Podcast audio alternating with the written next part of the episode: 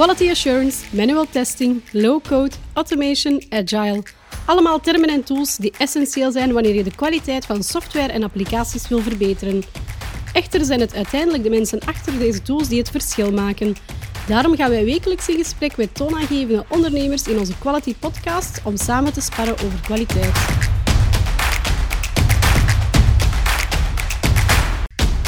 Welkom bij een nieuwe aflevering van de Quality Podcast. Ik ben Cynthia, testengineer bij M2Q en tevens ook nieuwe host van deze podcast. Ik kijk er alvast enorm naar uit om talrijke motiverende en inspirerende ondernemers te ontvangen, waaronder mijn eerste gast Jurgen Meheus, managing partner van M2Q, bestuurslid bij Detail en niet te vergeten een ervaren softwaretester met ondertussen meer dan 25 jaar ervaring. Welkom Jurgen. Ja, goedemiddag. Onze eerste vraag voor jou is, waarvoor staat M2Q? Goh, M2Q. Het dat niet, heeft niks te maken met mijn achternaam, maar origineel stond het voor, of staat het nog altijd voor, Management and Methodology to Quality. Vandaar uh, M in het kwadraat Q. Maar iedereen zegt M2Q op zijn Engels. Dat bekt iets beter dan in het Nederlands. Oké, past dus perfect bij onze podcast. Um, wat zijn volgens jou de belangrijkste oorzaken van de toegenomen vraag van eindgebruikers naar de software, software van hogere kwaliteit? Wel, als we kijken gewoon naar het dagdagelijks gebruik van, van software, iedereen gebruikt software. Je moet maar gewoon even kijken naar je uh, smartphone. Ik denk dat je voor alles wel een appje hebt dat je kunt gebruiken. Dus wat willen de eindgebruikers? Die willen kwaliteit. Want als die kwaliteit er niet is, dan gaan vele eindgebruikers gewoon een andere app downloaden of een andere website gaan bezichtigen eh, of gaan bezoeken. Waardoor dat eigenlijk de leveranciers, eh, of de klanten uiteindelijk, eh, die de websites beheren en ook gebruiken om eh, retail te doen, effectief klanten gaan verliezen. Uiteraard, niemand wil een niet werkende applicatie. Dat is niet handig voor niemand. Nee, dat klopt. En wat zijn daar de gevolgen van volgens jou? De gevolgen, uiteindelijk, uh, wat een, een, groot probleem is op vandaag, is dat software heel snel moet ontwikkeld worden. Uh, de business vraagt iets en eigenlijk moest dat al tegen gisteren klaar zijn. Uh, er zijn heel veel leveranciers die dat proberen waar te maken om die software tegen gisteren op te leveren. Uh, werken dan meestal agile en agile manier van werken. En als er dan inderdaad geen goede testing of kwaliteitsproces erachter zit, dan merken we vaak dat er toch zaken uh, voorvallen in productie. Zaken die niet werken, uh, performantieproblemen uh, en zo meer. Dat klopt. En zijn er bijvoorbeeld bepaalde technologieën of manieren dat ze kunnen gaan gebruiken om hun kwaliteit toch te gaan verbeteren eventueel? Wel, eigenlijk heel simpel. Ze moeten gewoon naar MTQ bellen. Hè. Wij zullen zorgen dat we een proces kunnen gaan uittekenen om hun kwaliteit te gaan verhogen. Hè. Wat we meestal doen is, we gaan meestal bij de klant gaan kijken van wat doe je vandaag aan software testing. Vaak merken we dat ze wel iets doen, maar meestal niet gestructureerd. Dus wat we dan gaan doen is, we gaan proberen om uh, structuur te krijgen, uh, hoe dat ze gaan uh, testen. Niet alleen voor testing, maar ook naar ontwikkeling en analyse kunnen we helpen om wat meer structuur binnen te brengen. Want hoe beter dat de instroom is, hè, aan de linkerkant, hè, analyse is, hoe minder fouten ontwikkelaars zullen maken en hoe minder fouten dat wij gaan detecteren in testing en minder fouten dan er zullen zijn in productie. Wat zijn de meest voorkomende uh, problemen of fouten in de softwarekwaliteit en hoe kunnen deze worden aangepakt? Wel, uiteindelijk kun je twee soorten fouten gaan onderscheiden. Enerzijds kan het zijn dat de ontwikkelingsteam een applicatie heeft gebouwd dat en dat functioneert, maar dat het eigenlijk niet uh, voldoet aan de behoeftes van de eindgebruiker. Soms gebeurt wel eens dat er zaken worden ontwikkeld op basis van ja, een aantal uh, zaken. En dan krijgt de klant dat effectief te zien. En dan zegt de klant van, oei oei, dat had ik niet verwacht. Dat was niet geen dat ik wou hebben. En ofwel wordt er terug opnieuw ontwikkeld en volledig nieuw gemaakt, ofwel wordt er gewoon gezegd van, kijk beste business, uh, je moet effectief deze applicatie gaan gebruiken. Anderzijds vinden we natuurlijk ook fouten, puur functioneel fouten. Als je iets ingeeft dat er een, iets anders uitkomt. Hè. Dat men zegt van oké, we gaan daar ergens een datum in geven en geeft een onheldige datum in en de applicatie loopt vast. Dat zijn de twee meest voorkomende fouten. Anderzijds heb je ook nog eh, fouten rond performantie, waarbij dat je effectief ja, gaat nagaan van hoe performant je systeem is. Als je weet van we moeten 100.000 gebruikers toelaten op ons platform, en achter 10 gebruikers loopt het al vast, dan weet je al hoe laat het is. Dan gaat het uh, waarschijnlijk niet lukken, nee. Nee. En hoe kunnen softwareontwikkelingsteams in het algemeen inspelen op, op die behoeften? Wel, wat we meestal doen, of wat we kunnen doen, is ervoor zorgen dat hun input, eh, daar bedoel ik mee hun analyses, of wat ze ook binnenkrijgen om daarmee aan de slag te gaan, om die al te laten valideren. Als we er kunnen voor zorgen dat die input juister is en meer accuraat is, dan ben ik er zeker van dat ontwikkelaars minder fouten gaan maken. Want dat is uiteindelijk een weergave van wat een, een eindgebruik wenst te hebben. Klopt, dus meer het opstellen van een, van een plan. Ehm, en wat zijn daar dan zo de best practices in bijvoorbeeld? Goh, wat wij meestal doen is, is een beetje kijken van, oké, wat wil de klant effectief uh, hebben? Hè? Want we kunnen een full-blown plan opmaken, maar dat dan ook niet werkt met de werkelijkheid bij de klant. Dus wat we meestal gaan kijken is van, wat hebben ze vandaag al in place? Hè? En dan gaan we kijken van, waar kunnen we nog verbeteringen uh, doorvoeren? Wat we meestal wel doen is, is ervoor zorgen dat er gestructureerd wordt getest. Betekent dat we niet ad hoc testing doen, Hè, dat we niet gewoon de applicatie nemen en zeggen van kijk, voilà, we gaan nu even gewoon lukraak een paar dingen doen. En waarschijnlijk ga je wel fouten vinden. Hè. Uh, daar ben ik 100% van overtuigd. Maar de meerwaarde is, als je gestructureerd werd, hè, dat je dat ook kan her, uh, hernaspelen. Hè. Want dat is wel belangrijk, dat je die zaken opnieuw kan spelen. Want als een tester hè, of QA-engineer een fout vindt, die gaat dat inderdaad gaan loggen in een of ander uh, defect management tool. En het eerste wat de ontwikkelaar gaat doen, die gaat dat proberen na te spelen.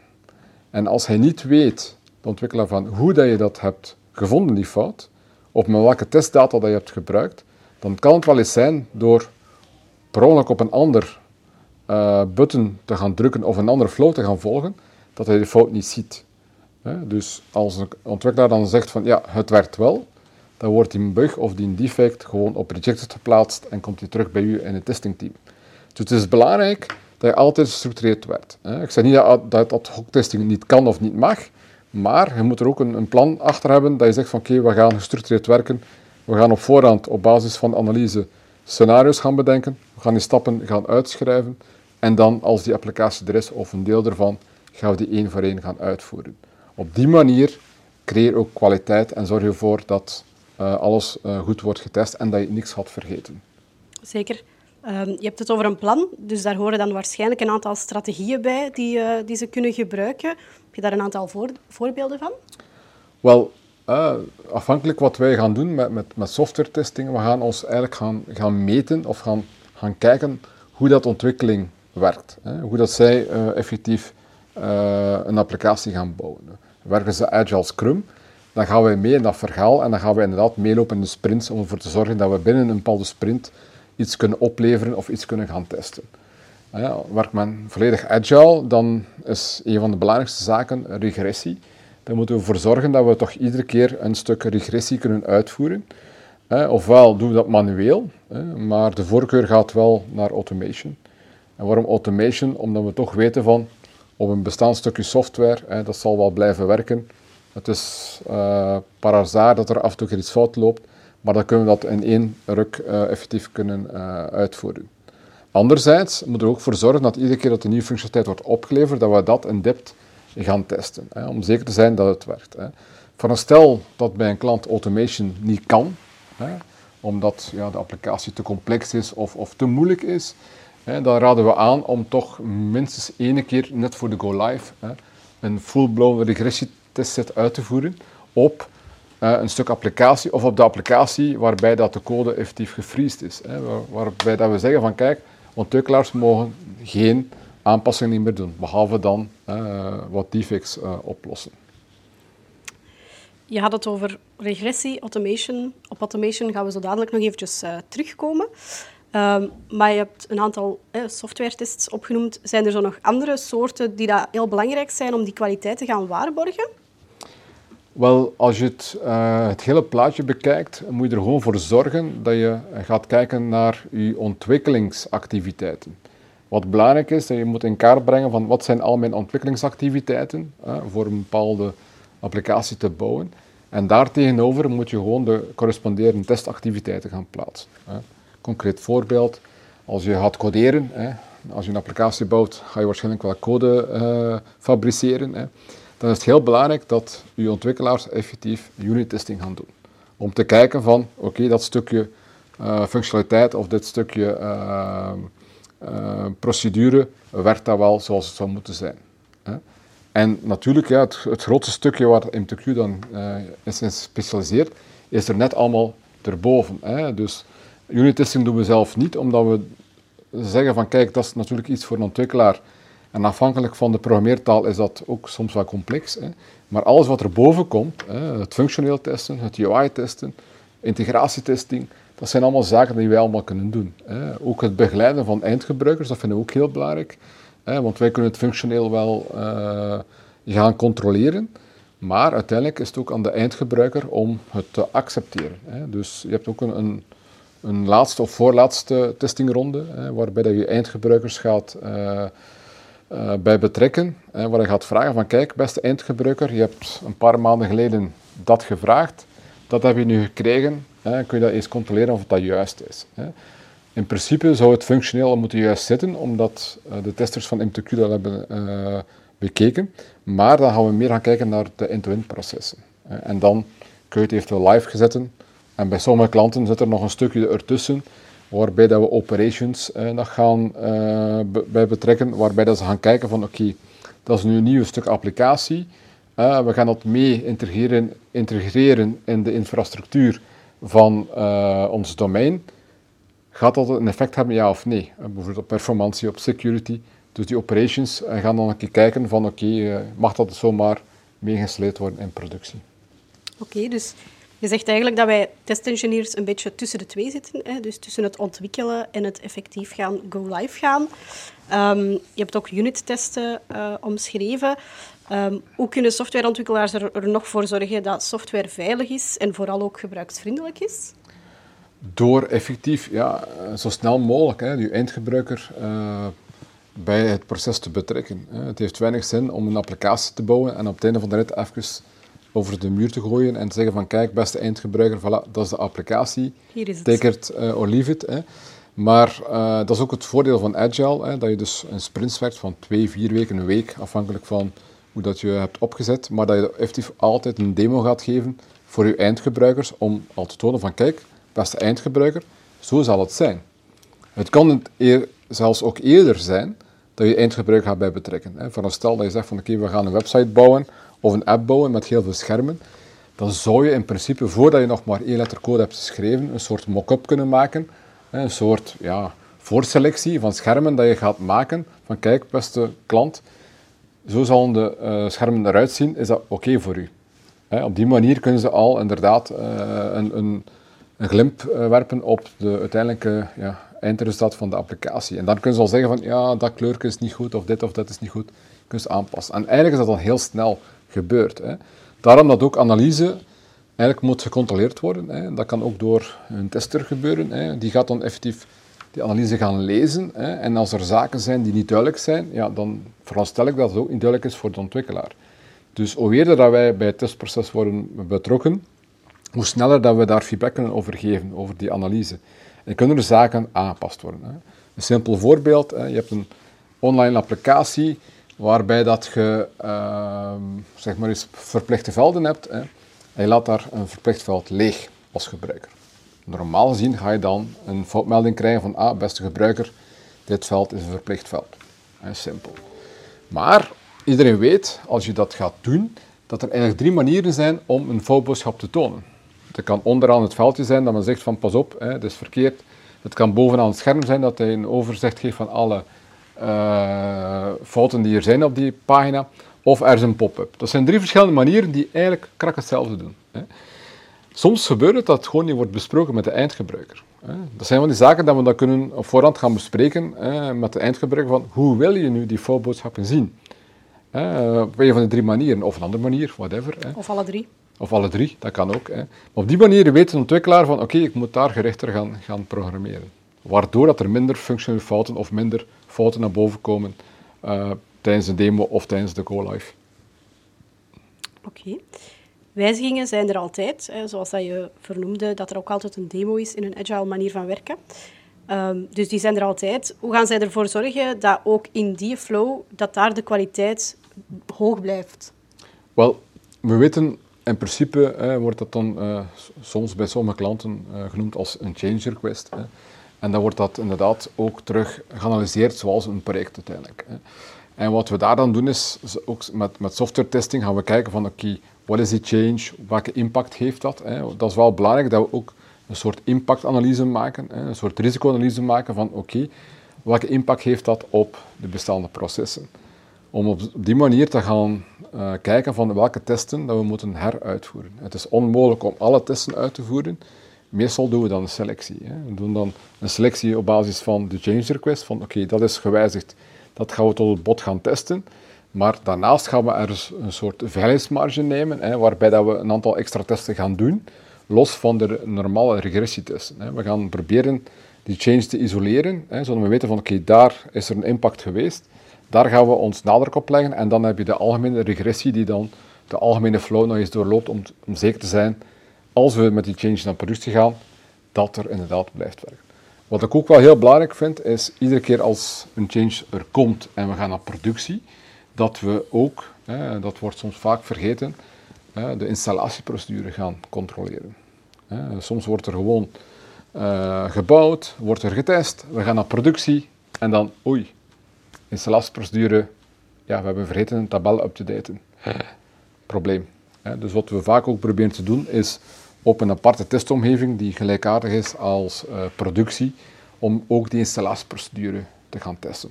Ook al zegt de ontwikkelaars van dat is volledig automatisch met scriptjes. Oké, okay, fijn. Dat is voor mij geen probleem. Wat ik heel belangrijk vind is dat we een simulatie doen, een nabootsing doen, een installatie zoals in productie, maar op een testomgeving. En dan we weten van dat het werkt, hè, misschien moet je ook quality gates gaan definiëren hè, in die installatie om zeker te zijn van we gaan iets doen, iets controleren, is het oké, doen we verder. En anderzijds, wat ik ook belangrijk vind, is dat je dus uh, gaat voor zorgen is want veronderstel nu dat dat stukje gaat implementeren in productie en het loopt toch fout, wat moeten we dan gaan doen? Ik zie vaak heel veel bedrijven iets in productie plaatsen en opeens loopt het fout en dan panikeren ze van, wat moeten we nu gaan doen? Dus als je voorhand effectief gaat nadenken van, wat kunnen we doen als het fout loopt? Of dan kun je zeggen van, oké, is niet zo erg, we kunnen daar waar mee, mee om. Ofwel moet je kunnen ervoor zorgen dat je een, een rollback doen of iets anders. Hè. Mensen stand-by zetten, whatever. Dat je altijd iets achter de hand hebt eigenlijk. Ja, eigenlijk dat je kan ervoor zorgen dat je sowieso kan live gaan of kan terugdraaien indien nodig. Oké. En ik had beloofd dat we nog gingen terugkomen op, het, uh, op automation. Wat zijn daar de voor- en nadelen van um, ten opzichte van softwarekwaliteit om die te behouden? Wel, automation is natuurlijk een nieuwe manier van, van software testing, waarbij dat je dus sneller en efficiënter kan gaan testen. En dat wordt vaak gebruikt om bepaalde regressietesten uh, te gaan automatiseren. Waarom? Omdat we toch meestal weten van, kijk, dat werkt al. Het is enkel om een extra zekerheid in te bouwen dat de bestaande functionaliteit niet uh, omver is gevallen. Vandaar dat we dan uh, meer en meer overgaan naar automation, omdat dat stukken software zijn die solid zijn hè, en dat we eigenlijk van weten voordat van het zal wel werken. Hè. Natuurlijk en sommige klanten zeggen van ja, automation dat willen we hebben, maar dat is maar een tool die je gaat helpen om sneller en efficiënter te gaan werken. Wat ook belangrijk is, is het proces daarachter. Want welke testen ga je automatiseren, welke niet? Hè? Hoeveel keer heb je release naar productie of naar test? Het zijn allemaal zaken die je moet in de hand werken of gaan bekijken. Van, is het wel de moeite waard om dingen te gaan automatiseren? En ook de keuze van, uh, van automation tool is belangrijk. Ga je werken met een meer technische tool? Een Cypress, eh, een, een, framework met Selenium daarachter en Java of .NET. Dan heb je meer technische mensen nodig. Of zeg van nee, nee, we gaan meer andere personen daarvoor uh, toe-eigenen. Dan kun je eventueel werken met low-code automation tools, die dan een soort record playback functionaliteit hebben, waardoor dat minder technische mensen ook kunnen gaan automatiseren. En de kracht van zo'n tool is dan dat je dat niet alleen gaat opnemen, maar dat je dan duizend keer kan afspelen naar elkaar. Ja, wat ook heel ay, vrij eenvoudig is om op te zetten eigenlijk. Zo'n low-code tool. Het is, op, op zich is het plug-and-play. Dat zeggen de meeste toolvinders uh, wel, dat klopt. Maar uh, wat wij toch merken is dat er toch wat, wat kennis nodig is om het te doen. De installatie op zich is niet zo moeilijk en je kunt heel makkelijk een opname doen van uh, een stuk van de applicatie.